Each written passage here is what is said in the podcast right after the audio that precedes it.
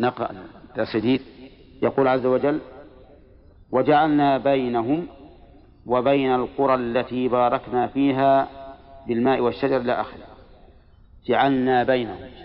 كل الإضافات كل نسبة الفعل الآن إلى ناء الدالة على العظمة. نعم. جعلنا بينهم الضمير يعود على سبع. وبين القرى التي باركنا فيها. القرى جمع قرية. وهي البلدة سواء كانت كبيرة أو صغيرة. وسميت قرية لأنها تجمع تجمع و ما اشتهر عند الناس أن القرية هي المدن الصغار هذا اصطلاح عرفي. وإلا فإن الله يقول في أم القرى وكأي من قرية هي أشد قوة من قريتك التي أخرجتك؟ فالقرية اسم للبلد سواء كان كثيرا أو قليلا سمي بذلك لأنه يجمع الناس. وقوله القرى التي باركنا فيها. ما هي القرى التي بارك الله فيها؟ قيل إنها قرى اليمن كصنعاء ونحوها. وقيل إنها قرى الشام. نعم. ولكل من القولين وجه. لأن الله سبحانه وتعالى بارك في الشام وبارك في اليمن.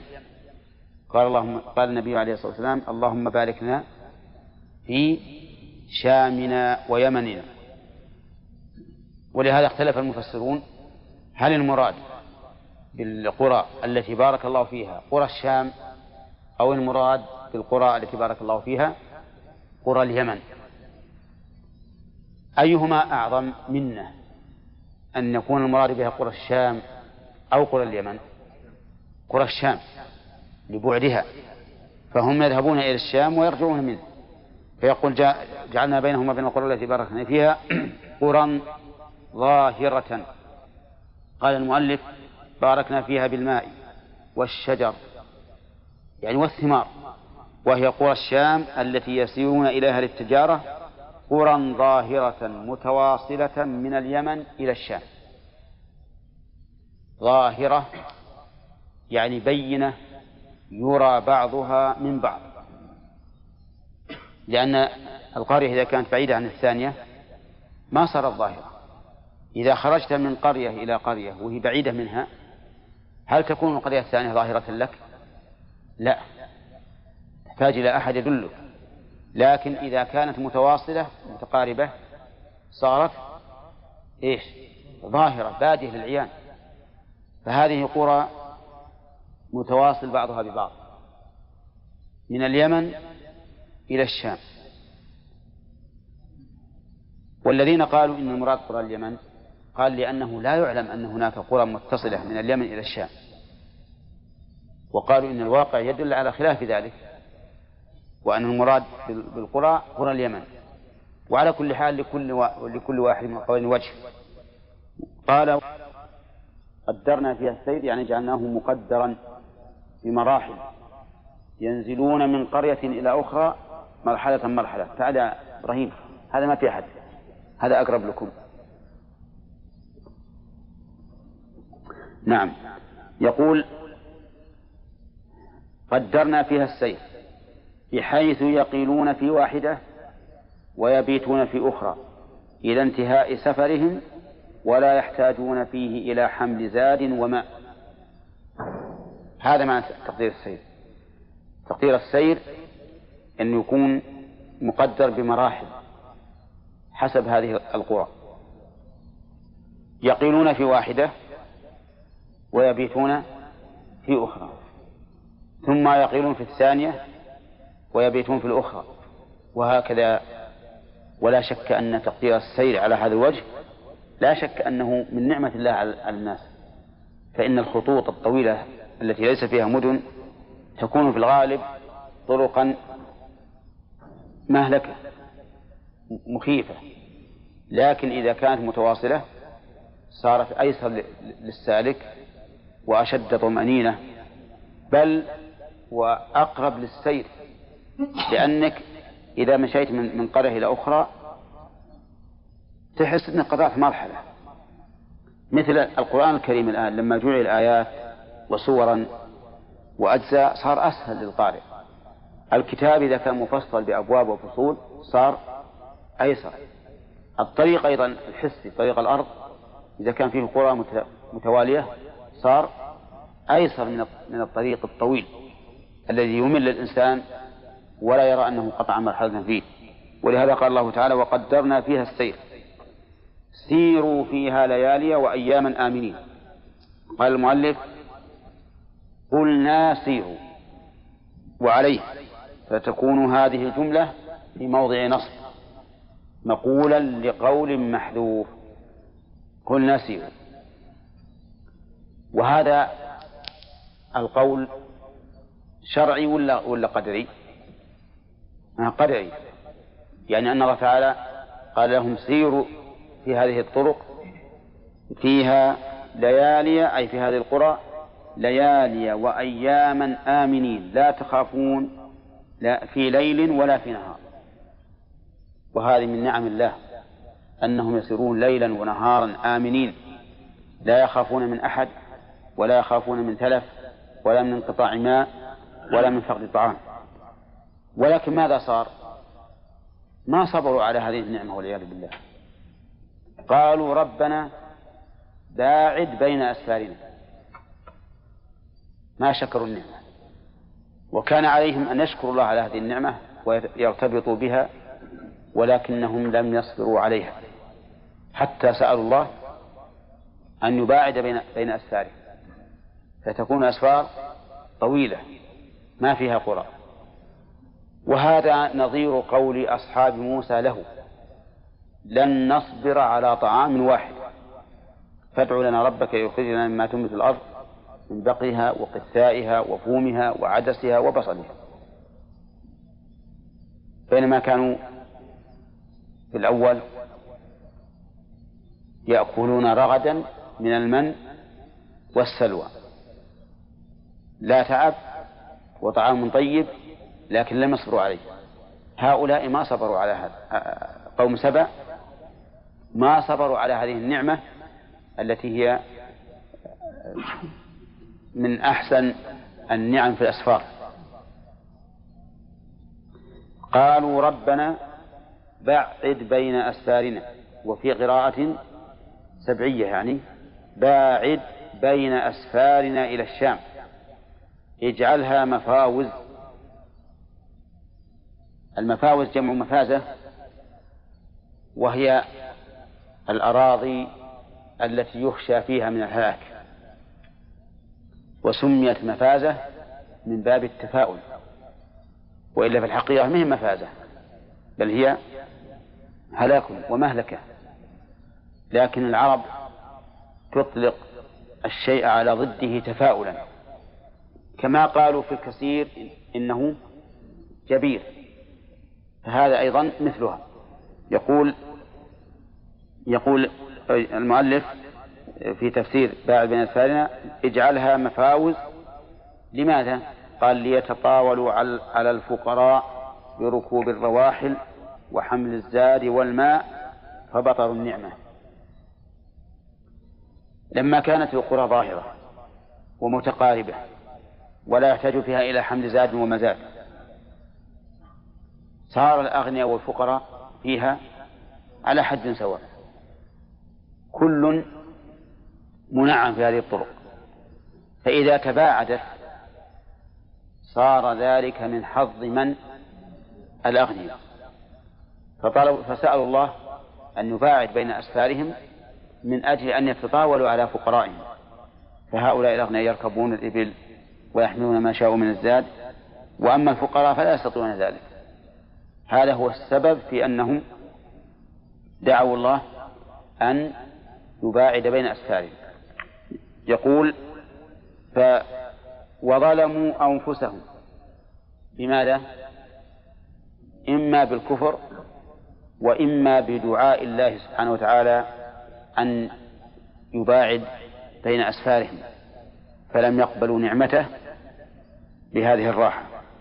فجعلناهم أحاديث لمن بعدهم في ذلك ومزقناهم كل ممزق فرقناهم في البلاد كل التفريق. إن في ذلك المذكور لآيات عبرا لكل صبار عن المعاصي شكور عن النعم. جعلناهم أحاديث. أحاديث جمع حديث وهو ما يتحدث الناس به. يعني أنهم بعد أن كانوا موجودين. صاروا خبرا من الأخبار. أو أن قصصهم كانت أحاديث للناس يتحدثون بها. يقول حصل كيت وكيت ولهذا من الأمثال المعروفة تفرقوا أيادي سبع أيادي سبع يعني أنهم تفرقوا كتفرق سبع قال الله تعالى جعلناهم أحاديث بعد أن كانوا أشياء حقيقية ثابتة وصارت صاروا أحاديث. وهذا مثل قول الشاعر بين يرى الإنسان فيها مخبرا حتى يرى خبرا من الأخبار. مزقناهم كل ممزق يعني فرقناهم. فرقناهم في البلاد كل مفرق. وشردوا وتشتتوا لأنهم كفروا النعمة وظلموا أنفسهم. إن في ذلك لآيات لكل صبار شكور. إن في ذلك الإشارة تعود إلى كل ما سبق من هذه القرى الظاهرة وسهولة السفر ثم سؤالهم أن يباعد الله بين أسفارهم ثم تمزيقهم في في البلاد كل ممزق. لآيات لعبرا كيف قال الآيات؟ وهي قصة واحدة. يقول لأنها قصة واحدة لكنها تشتمل على أجزاء. كل جزء منها يستحق أن يكون آية. وقوله لكل صبار صبار صيغة مبالغة. أي ذي صبر على البلايا. والصبر في اللغة بما الحبس وفي الشرع. الحبس عما يحرم. عند المصائب. والناس في المصائب لهم أربع مراتب. مرتبة السخط ومرتبة الصبر ومرتبة الرضا ومرتبة الشكر وهو أعلاها التسخط حرام والصبر واجب والرضا مستحب على القول الراجح والشكر كذلك مستحب. ف ولهذا قال هنا لكل صبار على أي شيء؟ نعم.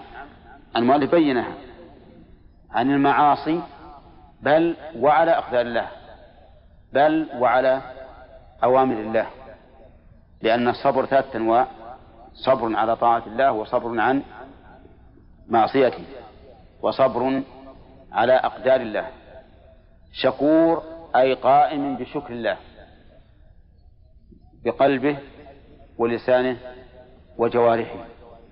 فيشكر الله سبحانه وتعالى نعمه. نعم. وأما كونها آية للصبار فظاهر. وكونها آية للشكور كيف ذلك؟ لأن الإنسان إذا نظر إلى حالهم وأنهم حينما كانوا شاكرين لله كان الله قد أنعم عليهم بهذه النعم فيستدل بها على أن شكر الله موجب لبقاء نعمته على العبد. الله أعلم. نعم. حديث مسلم على واحد. إيش؟ حديث على واحد. لا لا لها واحد. كيف ما لها واحد؟ لها واحد. أحاديث؟ إي نعم. لا. حديث مفرده إما أحاديث إما حدوثها ولا حديث. على خلاف القياس. نعم. نعم. لا. لأن الصبر إذا كان يصبر مثلا في مصيبة واحدة ولا يصبر في الباقي ما يستحق المدح. الذي يستحق المدح هو الصبار على كل المصائب. نعم. ها؟ إذا كان إيش؟ نعم. نعم. يعني السيل الذي الذي جاء بسبب تدهور هذا الشيء. نعم. اي نعم. لأنه انفجر السد هذا وتدفق منه السيل. نعم. ما, تكون تمثال للطيور؟ إلا. حرام؟ أوه مشكلة هذه. شو السؤال هذا؟ يقول الأخ طلال إن الطائرة تمثال للطير. فهي صورة صورة مجسمة بعد. وهذا حرام. تصوير. ها؟ لا لها راس ولا جنحان وله عيون وله ذيل وله رجلين.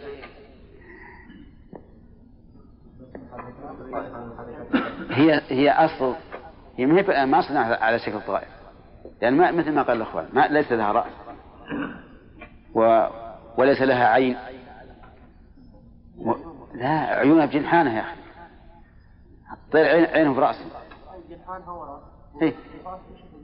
لا لا لا أبدا. هذه ليست على صفة لو, لو أرادوا يجعلوها على صفة الطائر جعلوها.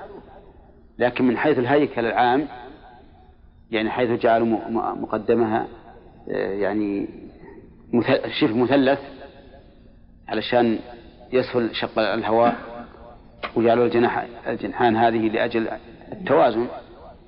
ولا حقيقة الأمر ما هي الجناح الجناح اللي يشيله يشيلها الهواء على كل حال ما هي بصورة هذا نعم أن المعاصي سبب زوال النعم هذا. الأمر على إطلاقه يا شيخ نعم. أو كما كذلك الله تعالى يقول فلما نسوا ما ذكروا به فتحنا عليهم أبواب كل بيت والواقع كذلك الآن أي لكن هذه هذه بارك الله فيك هذه النعم مع المعاصي استدراج. ولا يحسبن الذين كفروا أنما نملي لهم خير لأنفسهم إنما نملي لهم ليزدادوا إثما. وإلا فالاصل ان المعاصي سبب للمؤاخذة. لكن كون الاستدراج هذا أشد. يعني كون تبقى هذه النعم مع المعصية أشد وأعظم.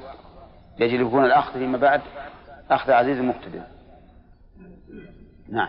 الله عز وجل وجعلنا بينهم وبين القرى التي باركنا فيها قرى ظاهرة. في هذه الآية بيان نعمة الله سبحانه وتعالى على سبأ حيث جعل القرى ممتدة من اليمن إلى الشام قريبا بعضها من بعض. وفيه أيضا أن الطرق إذا كانت بين قرى متجاورة فهي آمن وأقرب إلى السلامة. لقوله سيروا فيها ليالي وأيام آمين ومن فوائد في ومن فوائدها أن السير فيها مقدر. مرحلة مرحلة بين هذه القرى. وتقدير السير كما قلنا من فائدته وهو تفرع على ذلك على الفائدة هذه أن تقدير السير أنشط للمسافر وأسهل له. لأنه إذا كان بين القرى تباين بعيد تعب المسافر ومل. لكن إذا إذا صار يقطعها مرحلة مرحلة صار ذلك أنشط له وأهون عليه. وذكرنا أن من هذا تجزئة القرآن ومسائل العلم الكتب المصنفة حتى يقطع الإنسان مرحلة مرحلة فيكون ذلك أسهل عليه. وربما نأخذ من فائدة لمن أراد حفظ القرآن أن يتحفظه شيئا فشيئا. لأن بعض الناس ربما يسرد له ورقة كاملة ثم يرجع يحفظها فيصعب عليه لكن إذا حفظها آية آية كان هذا أسهل في الغالب. ومن فوائد الآية الكريمة أن الأمن في الأوطان من أكثر من أكبر النعم. لقوله ليالي وأياما آمنين. والأمن لا أحد يخفى بيان نعمة لا أحد يخفى عليه أنه من أكبر النعم. ومن ف... ثم قال فقالوا ربنا باعد بين أسفارنا. في هذا دليل على أن هؤلاء القوم لم يصبروا على هذه النعم بل طلبوا زوالها وتغييرها. وهل هذا القول باللسان أو أو بالفعل؟ بمعنى هل قالوا فعلا ربنا باعد بين أسفارنا أو أنهم لما ظلموا أنفسهم وكفروا صار ذلك سببا لتباعد ما بين هذه القرى حيث اندمرت وفسدت وخربت؟ الأول هو ظاهر الله. أنهم قالوا ذلك فعلا فباعد الله بينهم. ومن فوائد الآية الكريمة أن هؤلاء القوم لما بطروا النعمة وعجزوا عن صبرها أضافوا إلى ذلك ظلم أنفسهم بالكفر من قوله وظلموا أنفسهم. ومن فوائدها أن هؤلاء القوم صاروا أحاديث للناس من بعدهم. وهذا نوع من الخزي والعار والعياذ بالله. أن يشتهر أمر الناس أو أمر الإنسان حتى يكون حتى يكون أحدوثة لمن بعده. نعم. ولهذا قال وجعلناهم أحاديث ومن فوائدها أيضا أن هؤلاء الذين أنعم الله عليهم بالاجتماع في قراهم وقبائلهم مزقوا كل ممزق فشردوا في البلاد وتفرقوا لقوله ومزقناهم كل ممزق. ومن فوائدها أن ما يفعله الله عز وجل بالعصاة والظالمين يكون آية للمعتبرين سواء كان ضرا فيصبرون أو سرا فيشكرون. لقوله إن في ذلك لآيات لكل صبار شكور لكل صبار شكور. ومن فوائدها فضيلة الصبر والشكر. الصبر على الضراء والشكر على الرخاء. والإنسان دائما مصاب بهاتين الآفتين إما ضرا وإما سراء. قال الله تعالى ونبلوكم بالشر والخير فتنة والموفق من أعطى كل حال ما يجب لها ففي الضراء يجب عليه الصبر وانتظار الفرج.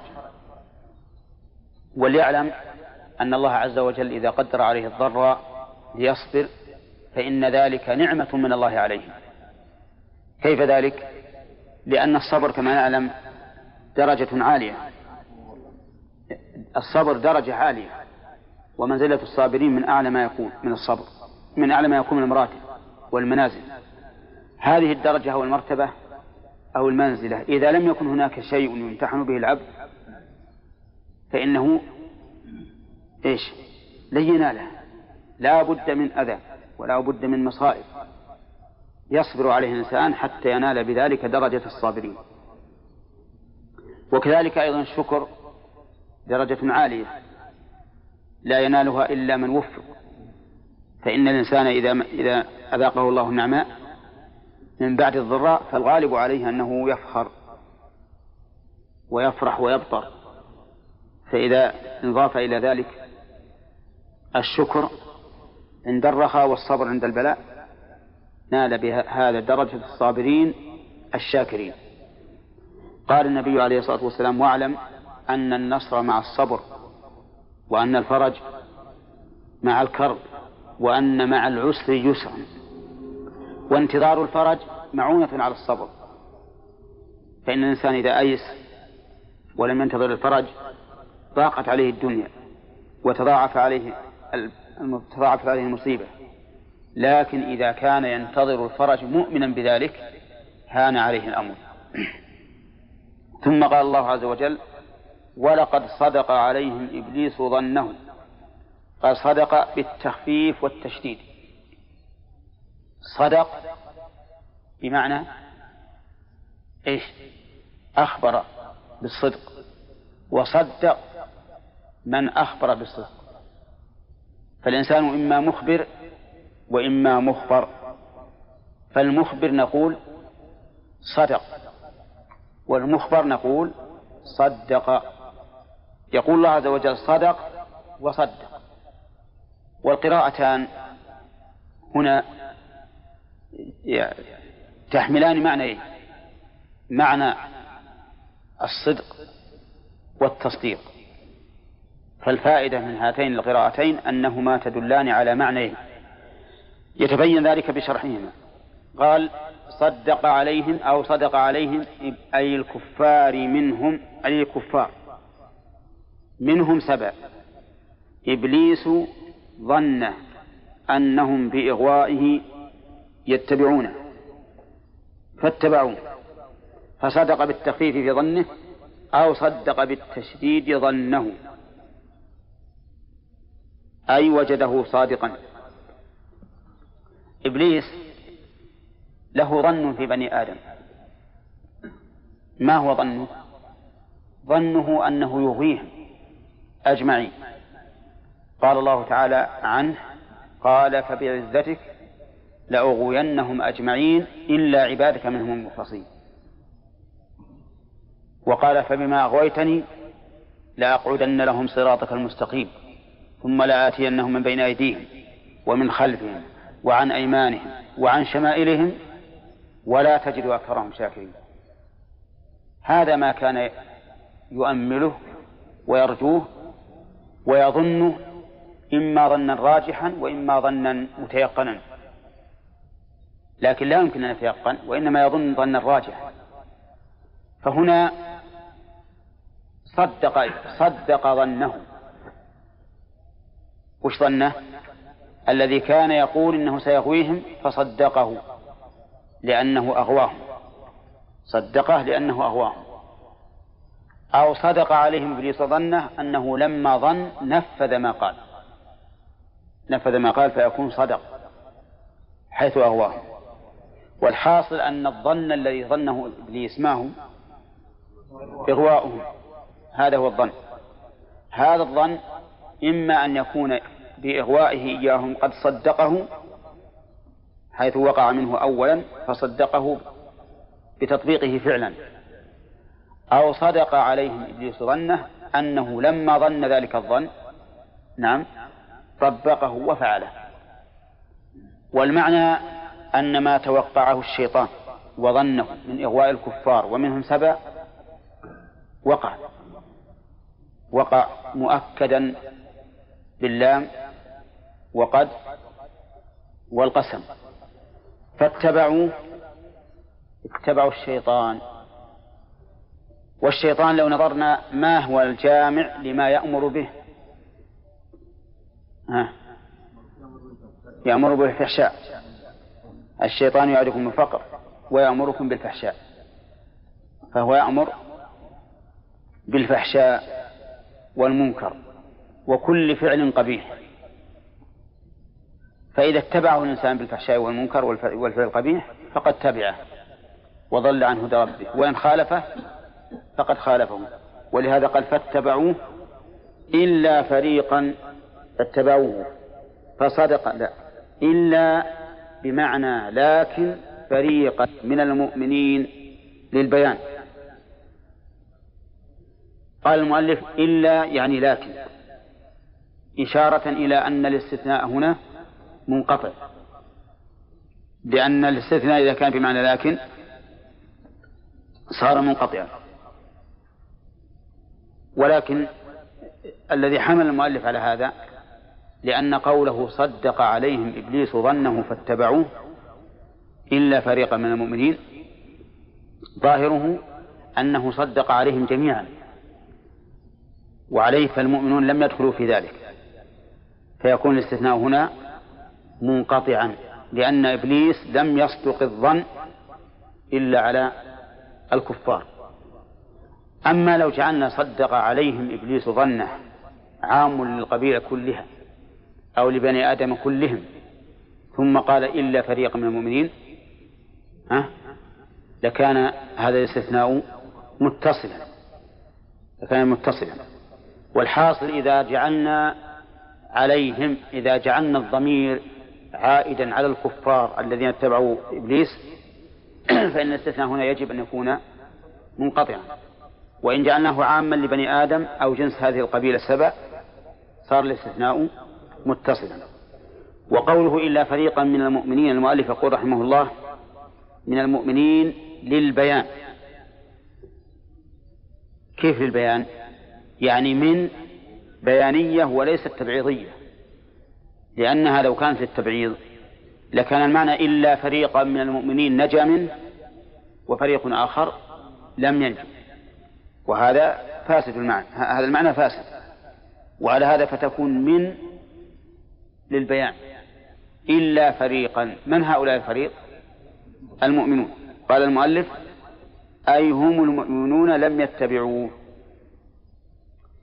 انتبه لهذا المعنى الدقيق. المؤلف رحمه الله جيد في أقول مرة ثانية إلا فريقا من المؤمنين. إذا قلت جاء فريق من القوم ها؟ كلهم جاءوا ولا لا؟ لا.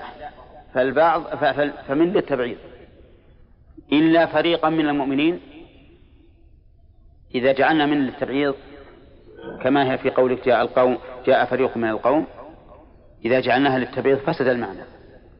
لأن المؤمنين كلهم لم يتبعوه ولهذا احتاج المؤلف أن يجعل من بيانية وتكون المؤمنون بيانا لقوله فريقا لقوله فريقا.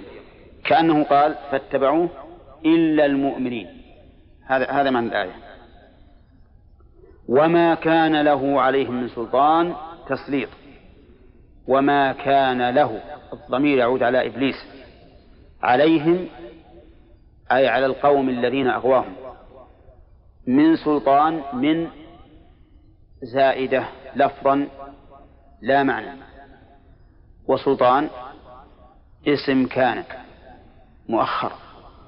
أي ما كان له سلطان عليهم. والمراد بالسلطان هنا التسلط أو التسليط. ولهذا قال تسليط. فهي إذن اسم مصدر. اسم مصدر. وليس المراد بها السلطان الذي هو المعنى. المعنى ما كان على ما كان للسلطان علي للشيطان عليهم تسليط إلا لنعلم. إلا لنعلم. وعلى تقدير المؤلف أن سلطان بمعنى تسليط تكون يكون الاستثناء متصلا. أي ما جعلنا للشيطان تسليطا عليهم إلا لنعلم. وإذا جعلنا السلطان بمعنى التسلط أو القدرة فإن إلا فالاستثناء يكون منقطعا. أي ما كان له عليهم سلطة لكن لنعلم من يتبع إلى آخره. وقوله إلا لنعلم من. اللام هنا للتعليل أو للعاقبة. يحتمل أن تقول التعليل أو للعاقبة وعلى كلا التقديرين فيها إشكال. الإشكال هو أن ظاهرها تجدد علم الله. ومعلوم أن علم الله أزلي أبدي.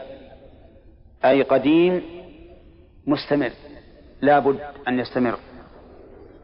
فكيف صح أن تكون اللام هنا للتعليل أو للعاقبة؟ نعم. يقول المؤلف في تفسيرها علم ظهور. علم ظهور. وذلك لأن تعلق علم الله بالشيء له حالان. الحال الأولى قبل وجوده والحال الثانية بعد وجوده. فتعلق علم الله به بعد الوجود يسمى علم ظهور أي علمه بعد أن ظهر وبان. وعلم الله تعالى قبل وجوده علم تقدير أي أنه قدر أن يكون. وعلم التقدير ثابت بلا شك فإن الله لم يزل ولا يزال عالما بكل ما يكون. انتبه إذا قلنا إن العلم علم تقدير وعلم ظهور زال الإشكال. وصار علم الله للشيء بعد وقوعه علما بأنه ظهر ووقع. وعلم الله قبل وقوعه علما بأنه سيقع.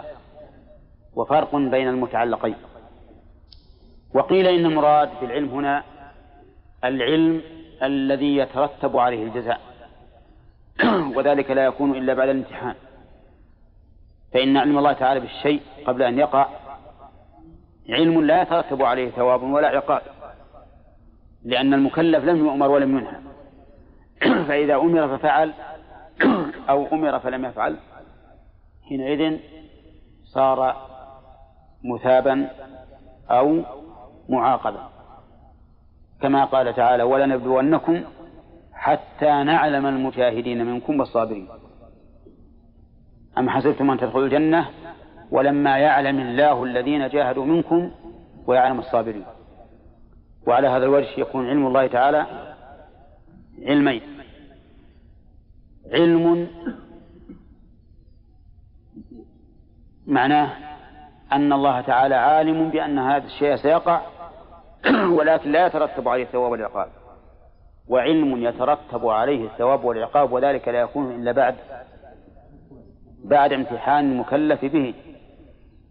وهل يقع وهل يفعل أو لا يفعل؟ يعني هل يمتثل أو لا يمتثل؟ فتبين أن في هذه المسألة التي ظاهرها تجدد علم الله أن عنها جوابين. انتبه. الجواب الأول ها من يعرف؟ الجواب الأول؟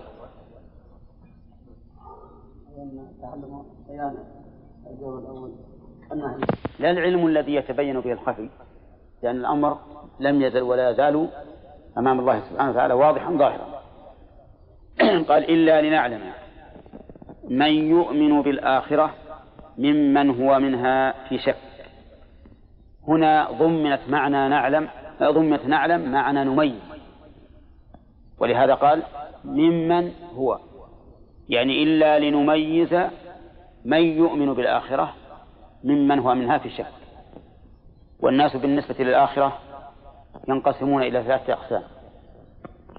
قسم آمنوا بها.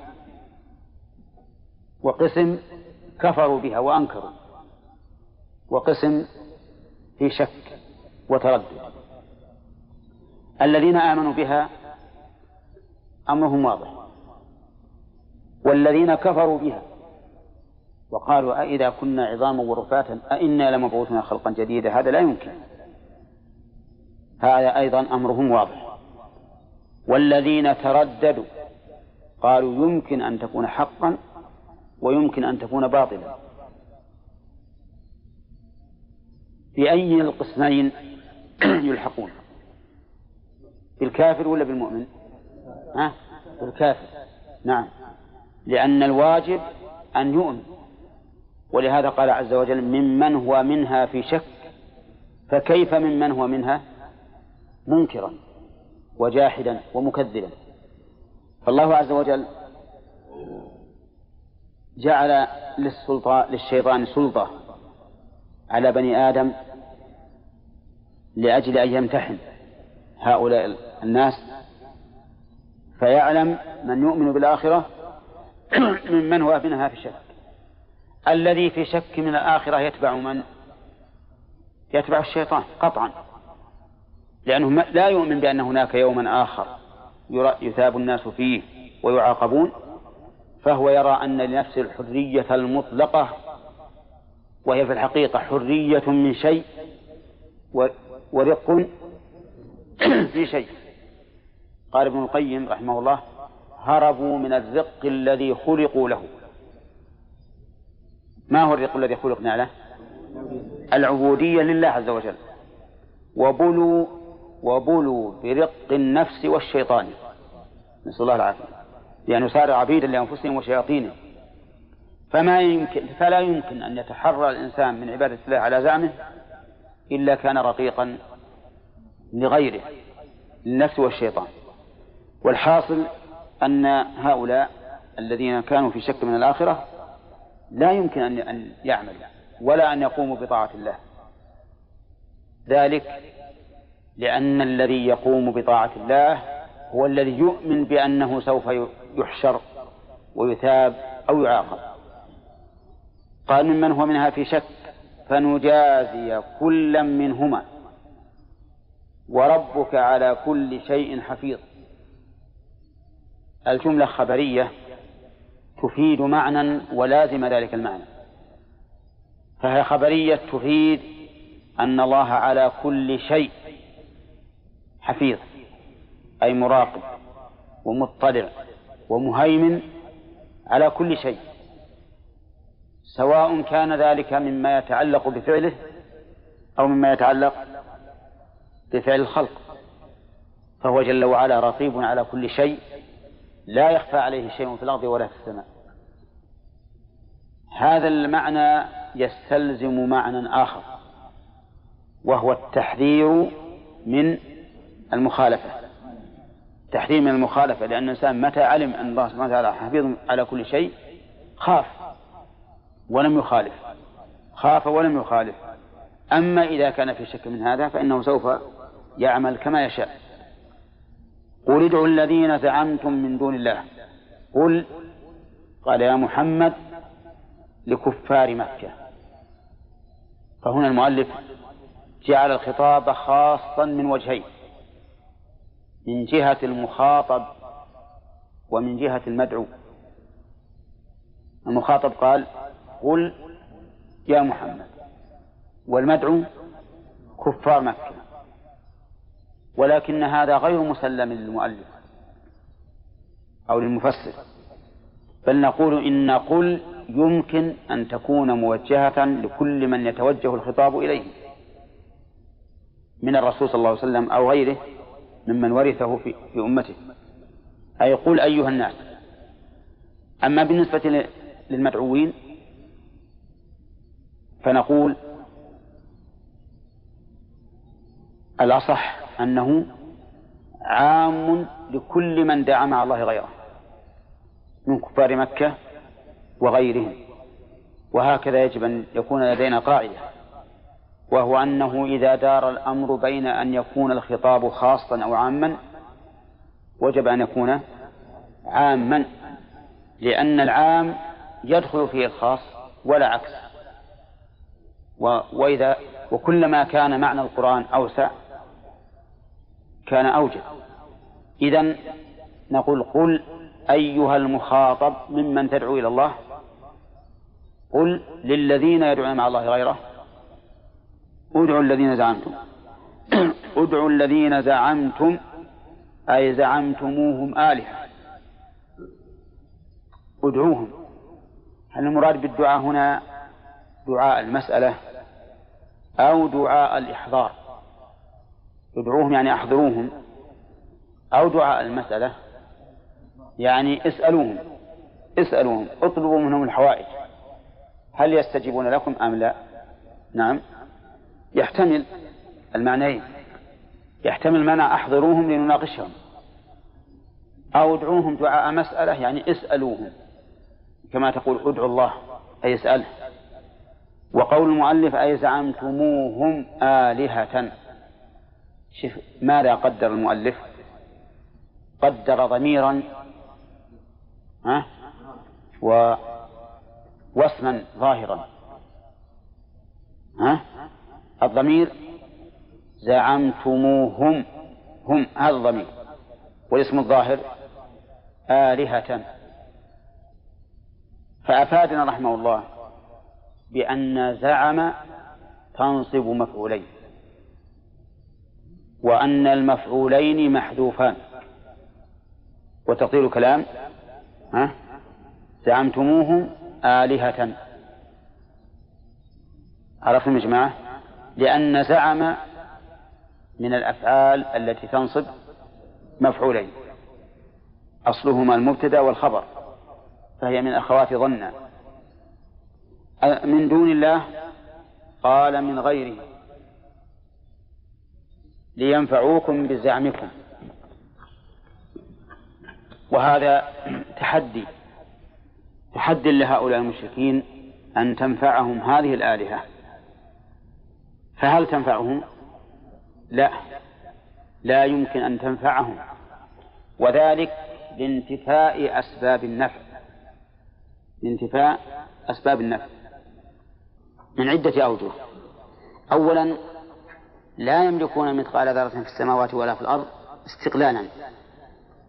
ولا يملكون ذلك مشاركة.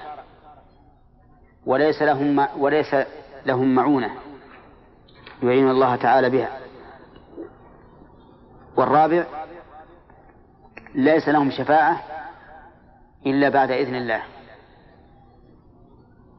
فبين الله تعالى أن أسباب النفع في هذه الآلهة منتفية. فقوله لا يملكون الجملة استئنافية لبيان حال هؤلاء الآلهة. لا يملكون مثقال ذرة وزن ذرة من خير أو شر في السماوات ولا في الأرض صح هذا؟ ها؟ لا يملكون مثقال ذرة لا في السماوات ولا في الأرض ويملكون دون المثقال ها؟ ولا دون المثقال نعم لأن التقدير إذا قصد به المبالغة فلا مفهوم له سواء كان في الكثرة أو في القلة. فهنا لا يملكون مثقال ذرة يعني ولا دونه. واضح؟ طيب. في الكثرة إن تستغفر لهم سبعين مرة فليغفر الله له. ولو أكثر من سبعين ما يغفر الله لهم. ولهذا قال في آية المنافقين استغفر لهم أو لا تستغفر لهم. آه نعم سواء عليهم أستغفرت لهم أم لم تستغفر لهم لن يغفر الله لهم. فالمبالغ فإذا جاء القيد للمبالغة قلة أو كثرة فليس له مفهوم. إذا لا يملكون مثقال ذرة ولا دونه في السماوات ولا في الأرض. ولو كانوا يملكون ذلك لقلتم نتعلق بهم لعلهم يعطوننا مما يملكون. صح ولا لا؟ طيب. هل لهم شرك في السماوات؟ أو في الأرض؟ لا. ولو كان لهم شرك لقلتم لعلهم يعطوننا من نصيبهم. ولهذا قال وما لهم فيهما من شرك. شركة. من هذه زائدة لفظا لا معنى. وعلى هذا فشرك مبتدا مؤخر. وخبره؟ الجار مجرور المقدم وما له؟ له. يعني ما لهم ما لهم ما لهم شرك في, في السماوات ولا في الأرض. وما له تعالى منهم من الآلهة من ظهير. وما له منهم من ظهير من ظهير أيضا نقول فيه إعرابها كما قلنا من شرك أي أن منه زائد لفظا لا معنى وظهير مبتدأ مؤخر. والظهير بمعنى المعين. كما قال تعالى قل لئن اجتمعت الإنس والجن على أن يأتوا بمثل هذا القرآن لا يأتون بمثله ولو كان بعضهم لبعض ظهيرا. إذا ليس لهم مع الله معونة حتى يدلوا على الله بها ويقولون أعطنا عوض معونتنا لننفع من؟ إيش؟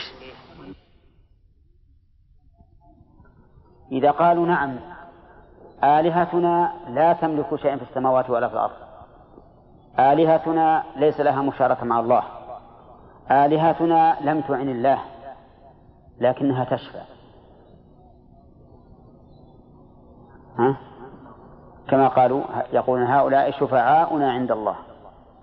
تشفع قطع الله هذه الوسيلة الأخيرة. ولا تنفع الشفاعة عنده إلا لمن أذن له. إذا هذه هذه الآلهة ما تستطيع أن تشفع إلا بعد إذن الله. وهل يمكن أن يأذن؟ لا لا يمكن. لأن الله سبحانه وتعالى يقول وكم من ملك في السماوات لا تغني شفاعتهم شيئا إلا من بعد أن يأذن الله لمن يشاء ويرضى. ويقول عز وجل ولا يشفعون إلا لمن ارتضى. ومعلوم أنه سبحانه وتعالى لا يرضى عن الكافرين لا أن يشفعوا ولا أن يشفع فيه فتبين أن جميع ما يتعلق به المشركون في شركهم مع الله كله باطل وكله ممتنع.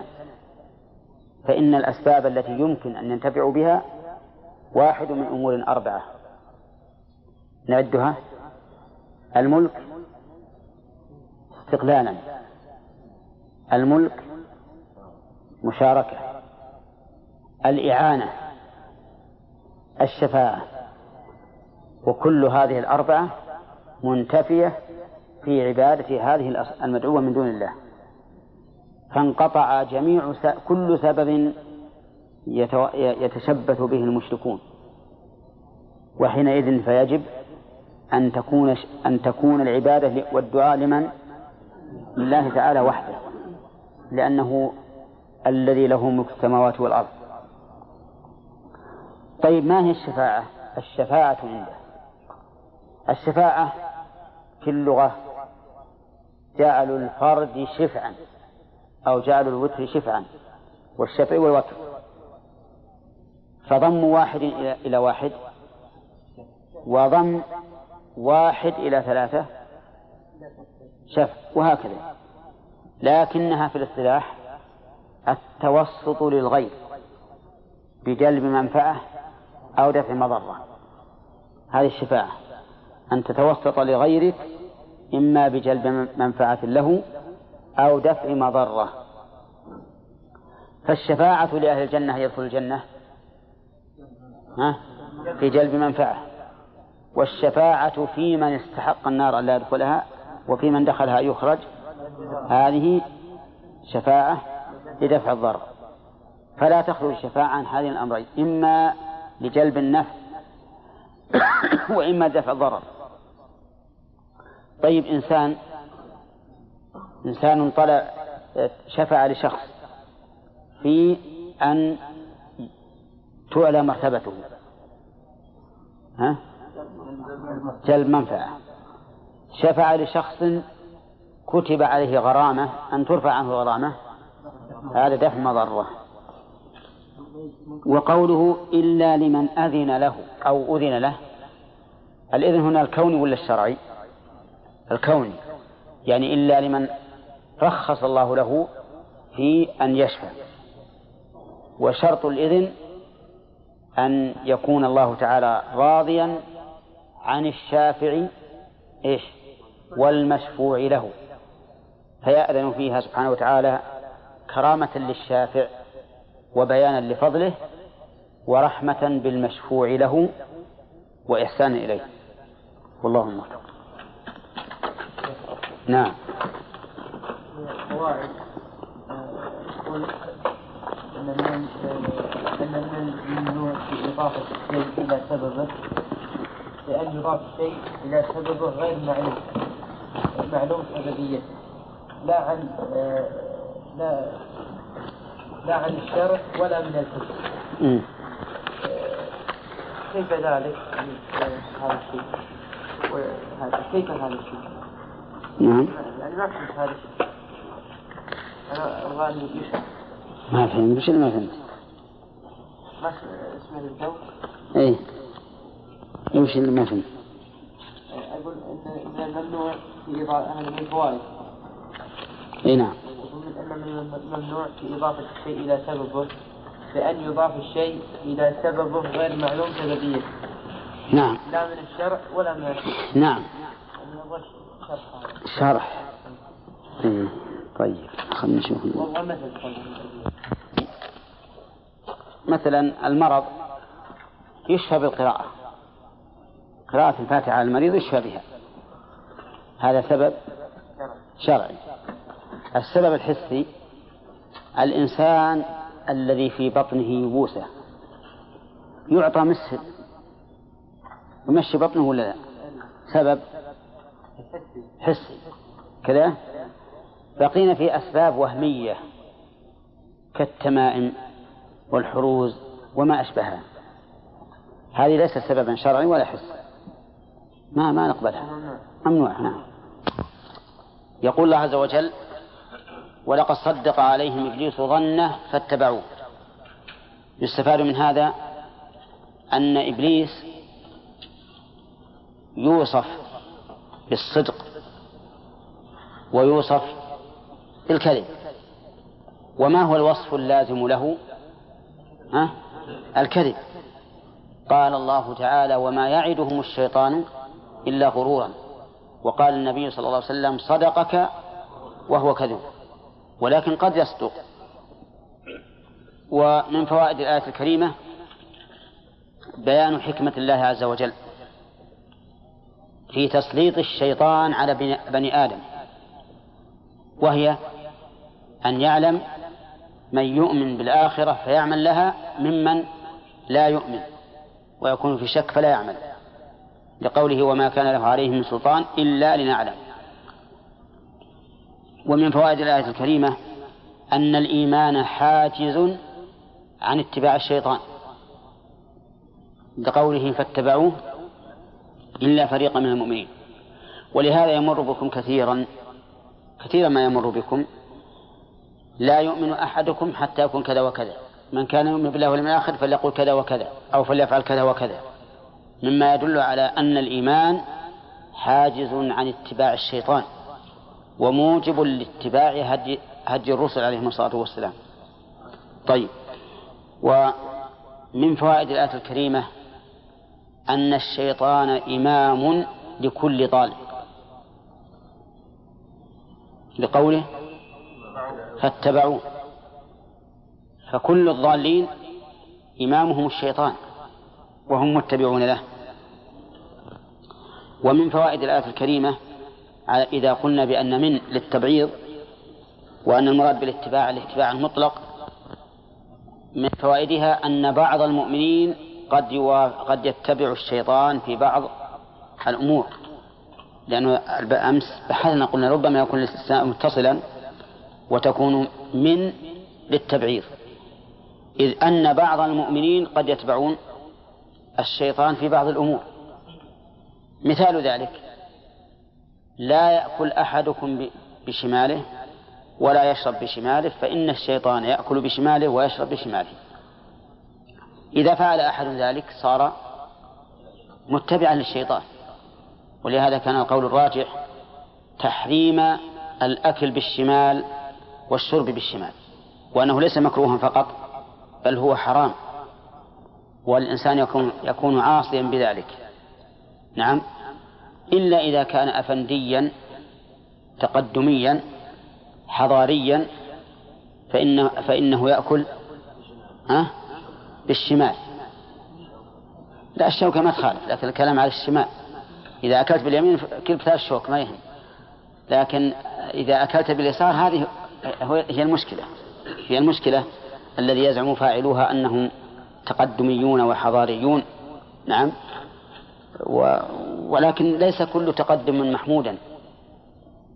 فإن الله يقول عن فرعون ها يقدم قومه يوم القيامة فأوردهم النار وبئس المورود. طيب على, على هذا القول الأخير أن من للتبعيض سيكون يكون الاستثناء متصلا ويكون لبعض المؤمنين شيء من اتباع الشيطان لا الاتباع الكامل. ومن فوائد الآية الكريمة إثبات علم الله بقوله إلا لنعلم وتعلق علم الله تعالى بالموجودات. سبق لنا أمس أنه ينقسم إلى قسمين قسمين. تعلق بها قبل الوجود وتعلق بها بعد الوجود. فالتعلق بها بعد الوجود يكون علمه بها علم أمر واقع. والأول يكون تعلق علمه بها أنه علم علم بما سيقع.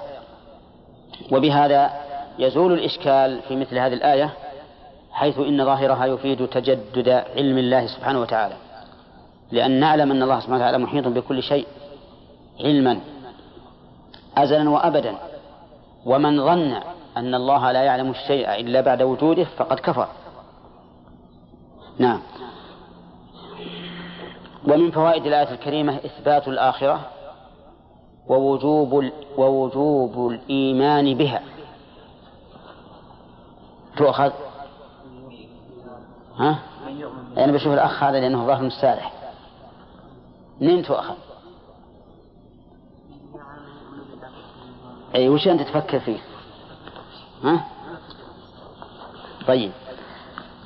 إذن فيه إثبات الآخرة ووجوب الإيمان بها. نعم. ومن فوائد الآية الكريمة أن الشك فيما يجب فيه اليقين كفر. لقوله ممن هو منها في شك؟ ولم يقل ممن هو منكر لها. لأن قد تقول ظاهر الحال أنه لما قال يؤمن بالآخرة كان يقول اللي قابله يكفر بالآخرة لكن قال ممن هو في منها في شك لنستفيد منه فائدة وهو أن ما يطلب فيه اليقين ها يكون الشك فيه كالإنكار كفرا نعم. ومن فوائد الآية الكريمة عموم عموم رعاية الله ومراقبته لكل شيء. تؤخذ فهد؟ منين؟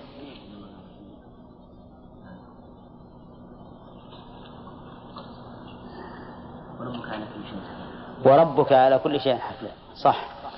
ومن فوائدها أن ربوبية الله عز وجل تنقسم إلى خاصة وعامة. نعم. والخاصة إلى أخص وإلى خاصة. بقوله وربك على كل شيء حفيظ. فهذه ربوبية أخص من الخاصة. فإن ربوبية الله عز وجل لخواص عباده كالأنبياء أخص من ربوبيته لعموم المؤمنين وخصوصيته للمؤمنين أخص من نعم وربوبيته للمؤمنين أخص من ربوبيته لعامة الناس. شوف إنما أمرت أن أعبد رب هذه البلدة الذي حرمها. خاصة ولا عامة؟ يا أخوان رب هذه البلدة خاصة كيف عامة؟ رب هذه البلدة. الذي حرمها بعد إذن لما كانت الربوبية الخاصة هنا قد توهم اختصاص ربوبيته بهذه البلدة قال بعد هذا قال وله كل شيء وله كل شيء عام. طيب آه ثم قال عز وجل قل ادعوا الذين زعمتم من دون الله. في هذا دليل على أنه ينبغي في المناظرة التحدي للمناظر فيما يعلم أنه لن يكون. لقوله قل ادعوا الذين زعمتم. فيجب على كل دعاة الحق أن يتحدوا هؤلاء المبطلين بأن يبرزوا لباطلهم شيئا من النفع. وهذا كما أنه في الشرك فيكون أيضا فيما دونه فإنه ينبغي أن يكون الداعي إلى الله عز وجل على علم بالأمور. حتى يستطيع الجدل فيها. لأن من لم يكن على علم فيها فإنه سيقف حيران. ولا يتمكن من أن هذا هنا. ها؟ كان من مقابلة الخصم. ولا يتمكن من مقابلة الخصم. نعم. ومن فوائد الآية الكريمة أن هذه الأصنام المدعوة من دون الله لا تملك شيئا لنفسها فلا تملك شيئا لغيرها. ليس لها ملك ولا شرك في الملك ولا معاونة على تصرف ولا شفاعة. والأمر في هذا واضح. لا يملكون مثقال ذرة في السماوات ولا في الأرض. وما لهم فيهما من شرك وما له أي ما لله منهم من ظهير ولا تنفع الشفاعة عنده إلا لمن أذن له. ومن فوائدها إثبات الشفاعة بإذن الله. لقوله لا تنفع الشفاعة عنده إلا لمن أذن له. ولو كانت الشفاعة لا تنفع مطلقا ما صح الاستثناء. ولو كانت تنفع مطلقا ما صح النفي. انتبه. لو كانت الشفاعة مطلقا تنفع أذن الله فيها أم لم يأذن؟ ما صح. ها؟ النفي. ولو كانت تنفع مطلقا ما صح الاستثناء. إذا فهي تنفع بإذن الله. طيب الشفاعة أظن هذا مبتدأ درسنا اليوم. ولا تنفع الشفاعة عنده أي عند الله إلا لمن أذن له. وهنا لا تنفع الشفاعة عنده إلا لمن أذن له لكمال سلطانه لكمال سلطانه. فالنفي هنا متضمن لإثبات وهو كمال السلطان.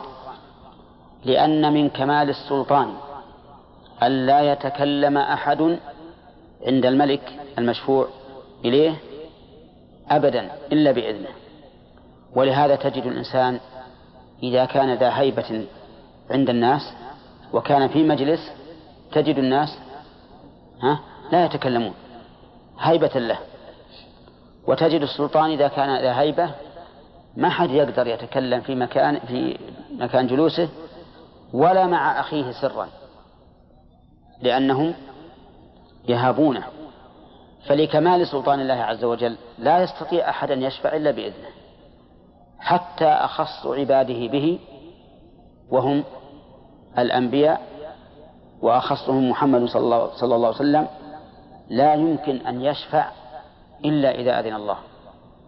حتى في مقام الرحمة في يوم القيامة فإن الله تعالى يجعل يوم القيامة مئة رحمة يرحم بها الخلق.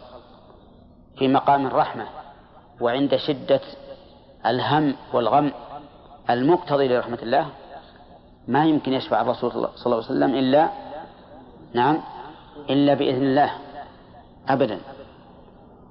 واضح يا جماعة؟ لماذا؟ لكمال لكمال سلطان الله عز وجل. إذا كانت الشفاعة لا تنفع إلا بإذن الله فهل هذه الأصنام المكروهة عند الله المنحطة عنده قدرا؟ هل يمكن أن تشفع لعابديها؟ أبدا. حتى عيسى عليه الصلاة والسلام الذي عبد من دون الله لا يمكن أن يشفع لعابديه. نعم. ولهذا يقول يوم القيامة ما قلت لهم إلا ما أمرتني به أن أعبد الله ربي وربكم. ولا يمكن أن يشفع لهم. ولا تنفع الشفاعة عنده إلا لمن أذن له وقد سبق في الدرس الماضي أن الله لا يأذن إلا إذا كان الشافع والمشفوع له من أهل الشفاعة. قال الله تعالى وكم من ملك في السماوات والأرض في السماوات لا تغني شفاعتهم شيئا إلا من بعد أن يأذن الله لمن يشاء ويرضى. وقال عز وجل ولا يشفعون إلا لمن ارتضى. ولهذا قال العلماء إن شروط الشفاعة ثلاثة رضا الله عن الشافع ورضاه عن المشفوع له والثالث إذنه بالشفاعة. نعم. قال الله تعالى حتى إذا فزع عن قلوبهم قالوا ماذا قال ربكم؟ حتى هنا ابتدائية. وليست غائية لأن حتى تأتي للغاية وتأتي للابتداء وتأتي للتعليل ولها معاني متعددة من من أحب الوقوف عليها فليرجع إلى كتاب المغني أعني مغني اللبيب لابن هشام رحمه الله فإنه مفيد لطالب العلم. يقول حتى إذا فزع فيها قراءتان فزع وفزع. كما قال المؤلف بالبناء للفاعل والمفعول عن قلوبهم أي قلوب الخلق أو عن قلوب الملائكة. فيها قولان لأهل العلم وسيأتي إن شاء الله بيانهما. فزع عن قلوبهم قال كشف عنها الفزع بالإذن فيها. قال كشف عنها الفزع. فزع وفزع. بمعنى أزال الفزع. أزال الفزع. وليس فزع بمعنى ألحق الفزع بل بمعنى أزاله وهو فعل يراد به السلب لأن هناك أفعالا يراد بها سلب المعنى يعني ضد هذا المعنى. قالوا ومنه قولهم قرد البعير قرد البعير. وش معنى قرده أزال منه القراد نعم. ما أدري تعرفون البعير والقراد اللي فيها. ها؟ معروف؟ والقراد معروف. ها؟ آه. البعير تعرفه. القراد هذا شيء يعني يكون في جلد البعير دابة حشرة صغيرة. نعم. آه، تعض البعير وتشرب الدم منها. ها؟ اسمه؟ جراد لا لا. أي مثل قمل الإنسان. هو قمل الإبل.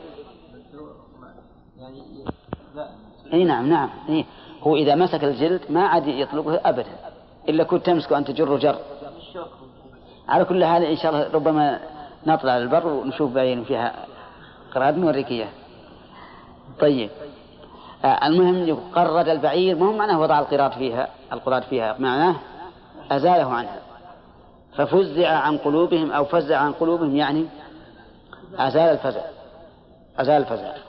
عن قلوبهم قال المؤلف بالإذن فيها أي في الشفاعة. وعلى هذا فيكون الضمير هنا عائدا على المشفوع له.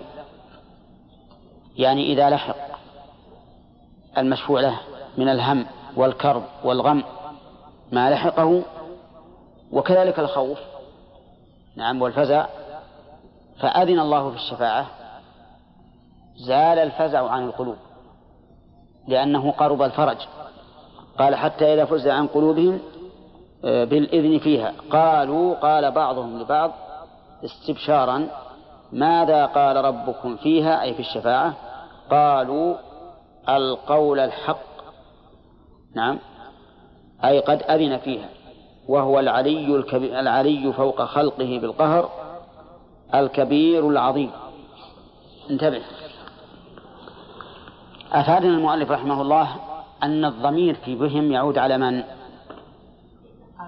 على المشفوع له. فإن المشفوع له قبل الشفاعة يلحقه الفزع والخوف من ذنوبه أو من غير ذلك. فإذا أذن في الشفاعة ها زال الفزع. وقالوا ماذا قال الله؟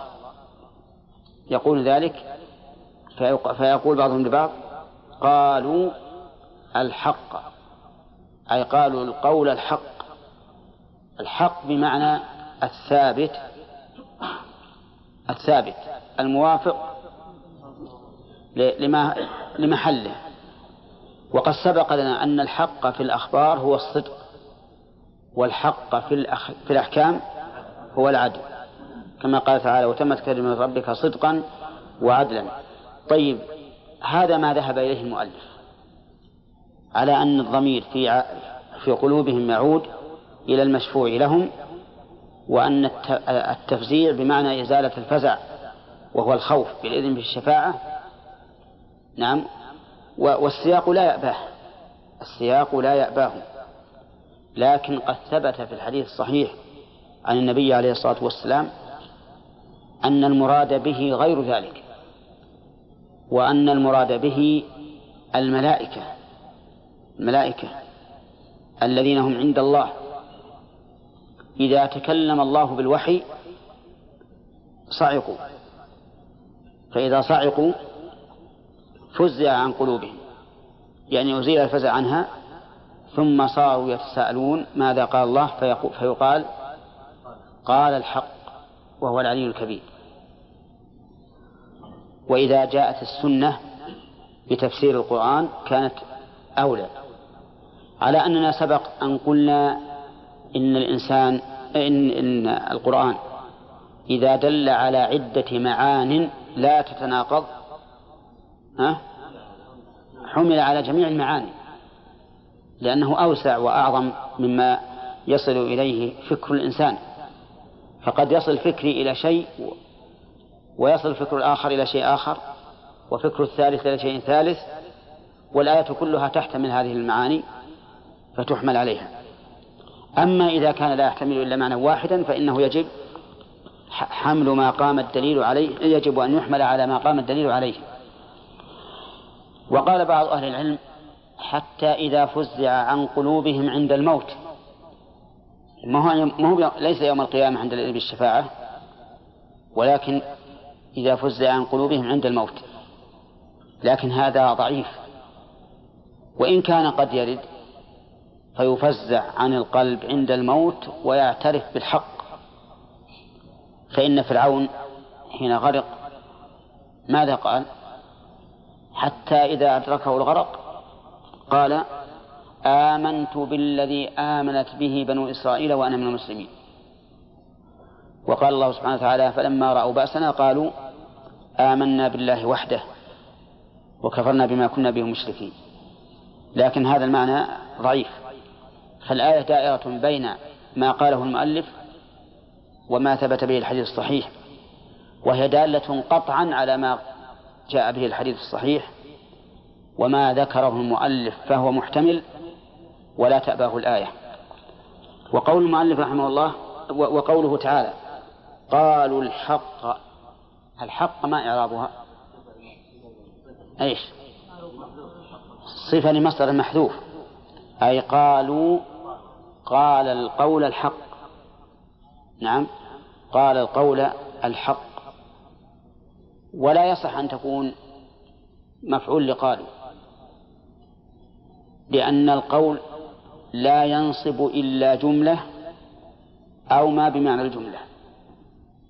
القول لا ينصب إلا جملة أو ما أو ما بمعناه. إلا جملة فتقول كقوله تعالى قال إني عبد الله. قال إني عبد الله. أين مقول القول؟ إني عبد الله جملة. أو ما أو بمعنى الجملة كقولك قلت شعرا قلت قصيدة قلت كلمة. هذه بمعنى الجملة. لأن الكلمة والقصيدة والشعر لا يكون إلا إلا جملة. طيب فإن قال فإن قلت ما تقول في قوله تعالى وإذا قيل لهم ماذا أنزل رب وقيل للذين اتقوا ماذا أنزل ربكم؟ قالوا خيرا. نقول هذه ليست ليست مفعولا لقالوا لكنها مفعول لفعل محذوف. وش التقدير؟ لا. أنزل خيرا. وقيل للذين اتقوا ماذا أنزل ربكم؟ قالوا خيرا. طيب يقول المؤلف رحمه الله وهو العلي فوق خلقه بالقهر. هذا فيه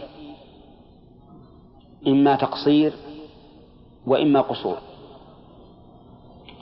لأن علو الله عز وجل ليس بالقهر بل علوه ثلاثة أقسام علو القهر وعلو القدر وعلو الذات. علو الذات والقدر والقهر. لكن المؤلف عفى الله عنا وعنه كأنه لا يرى علو الذات. كأنه لا يرى علو الذات. والمنكرون لعلو ذات الله سبحانه وتعالى ينقسمون إلى قسمين حلولية ومعطلة محض. تعطيلا محضا. فالحلولية يقولون إنه يجب عليك أن تؤمن بأن الله في كل مكان بذاته وتنكر علوه في كل مكان بذاته. نعم إن كنت في المسجد أو كنت في السوق أو كنت في في البر أو كنت في البحر نعم فالله سبحانه وتعالى بذاته في ذلك المكان. وإن كنت في الحش ها؟ فهو في الحش. الحش ما هو؟ مكان التخلي. يعني والعياذ بالله ما ما نزه الله عن الأنتان والأقذار ونسأل الله العافية. ولا شك أن هذا كفر محض ولا يشك أحد في كفر من اعتقد هذه العقيدة. نعم. والطائفة الثانية المنكر العلو يقولون إنه لا يجوز أن نقول إن الله فوق العالم ولا تحته ولا يمين ولا شمال ولا أمام ولا خلف ولا متصل ولا منفصل. وهذا إيش؟ هذا تعطيل محض. يعني لو قيل لك صف لنا المعدوم ها؟ ما وجدت أشد إحاطة بالمعدوم من هذا الوصف. الذي ليس فوق العالم ولا تحته ولا يمين ولا شمال ولا خلف ولا أمام ولا متصل ولا منفصل. ها؟ هذا ليس بموجود قطعا. أما الرسل وأتباعهم فيؤمنون بأن الله عز وجل بذاته فوق كل شيء. يؤمنون بأن الله بذاته فوق كل شيء. وهذا هو الذي دل عليه العقل والفطرة والإجماع والكتاب والسنة. ولنستعرض لهذا الأمر وإن كان الحمد لله الأمر ظاهر ظاهرا لكن الكتاب دل على أن الله بذاته فوق عرشه من وجوه متنوعة فتارة بذكر العلو مثل وهو العلي العظيم. وتارة بذكر الفوقية وهو القاهر فوق عباده وتارة بذكر صعود الأشياء إليه مثل إليه يصعد الكلم الطيب وتارة بذكر نزول الأشياء منه يدبر الأمر من السماء إلى الأرض. فقد تنوعت الأدلة من كتاب الله على علو الله سبحانه وتعالى. وأما السنة فكذلك.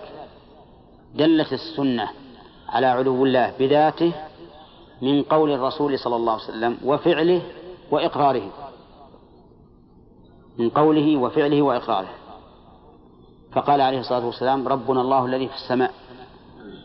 وقال ألا تأمنوني وأنا أمين من في السماء. وأما فعله فإنه في يوم عرفة وهو يخطب الناس عندما عندما خطب تلك الخطبة العظيمة. قال لهم ألا هل بلغت؟ قالوا نعم. قال اللهم اشهد. يرفع أصبعه إلى السماء وينكتها إلى الناس. اللهم اشهد. هذا إيش؟ سنة فعلية بإشارة عليه الصلاة والسلام إلى السماء حين ذكر الله. وأما الإقرارية فإنه أتي إليه بجارية فسألها فقال أين الله؟ قالت في السماء. قال أعتقها فإنها مؤمنة. هكذا قال. ويعتبر هذا إيش؟ إقرارا. فقد تنوعت السنة بالدلالة أو في الدلالة على علو الله تعالى بذاته. وأما الإجماع فقد أجمع السلف من الصحابة والتابعين وأئمة الأمة على أن الله تعالى في السماء بذاته. ولم يقل أحد منهم بحرف واحد إن الله ليس في السماء أو إن الله في كل مكان بذاته أبدا. وأما العقل فاسأل عقلك هل الكمال في علو الذات أو في نفي العلو عن العلو عنها ها؟ الأول بلا شك. علو الذات تدل على الكمال بل هي الكمال. فإذا كان العلو هو الكمال فإن من المعلوم عقلا أن أن الرب متصف بماذا؟ بالكمال. وحينئذ يثبت له العلو. العلو عقلا. أما الفطرة فاسأل فطرتك عندما تسأل الله شيئا. افرض أنك ما درست ولا حضرت المساجد ولا شيء. إذا سألت الله عز وجل شيئا أين ينصرف قلبك؟ ها؟ إلى الأعلى. إلى الأعلى. ولهذا كان أبو المعالي الجويني كان يقرر فيقول كان الله ولم يكن شيء قبله وكان عرشه على الماء. وكان عرشه على الماء. يريد بذلك أن ننكر استواء الله على العرش الذي من لازمه الإقرار بالعلو. فقال له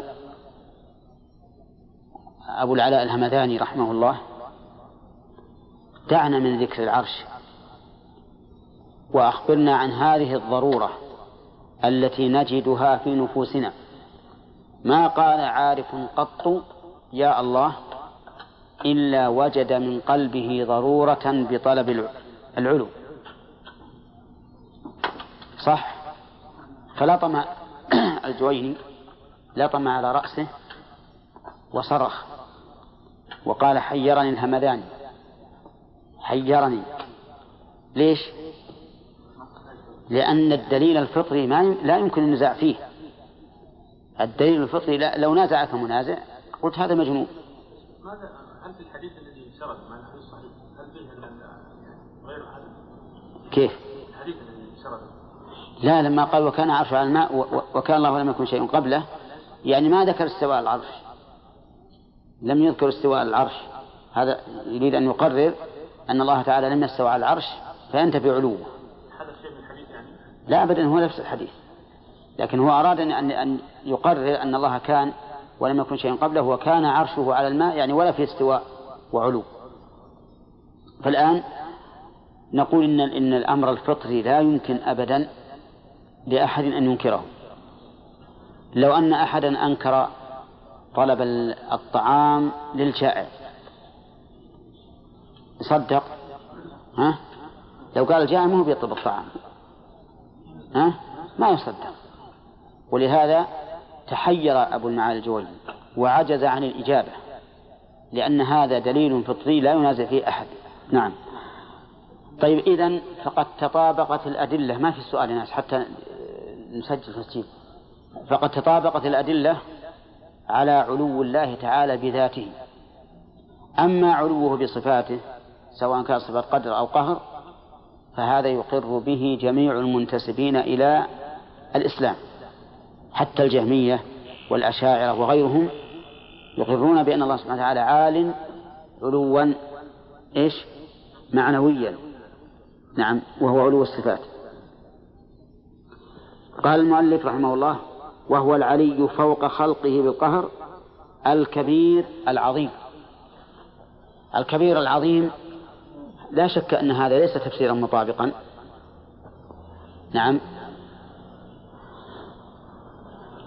ولكنه كأن المؤلف أخذه من من قرن العظيم بالعلي في آية الكرسي حيث قال ولا يؤذوا حفظهما وهو العلي العظيم وهنا قال وهو العلي الكبير ففسر الكبير بإيش؟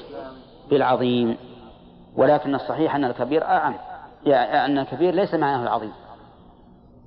بل معناه ذو الكبرياء ومعناه أن الله تعالى لا يماثله شيء في ذاته. السماوات السبع والأرضين السبع في كفه سبحانه وتعالى ها؟ كخردلة في كف أحدنا ليس يعني السماوات السبع على عظمها والأرضين السبع مثل ما لو وضع الإنسان في يده خردلة.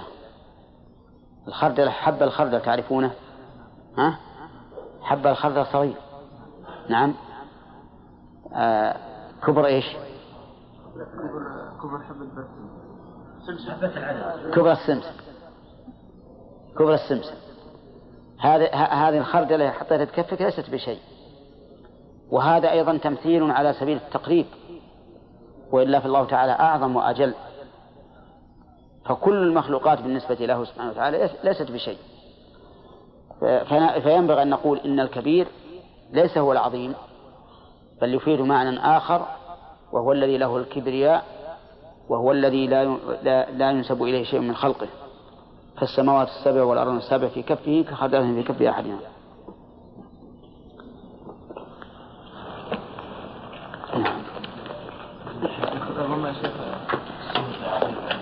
ها؟ لا السيوطي مثل مثل غيره أشعري. مع أن هذا ما هو للسيوطي هذا هذا للمحلي. الكتاب هذا للجلالين السيوطي والمحلي. لكن المحلي رحمه الله فسر من نصف القرآن الأخير مع أنه هو الأول. وذاك كمله من من الفاتحة. نعم.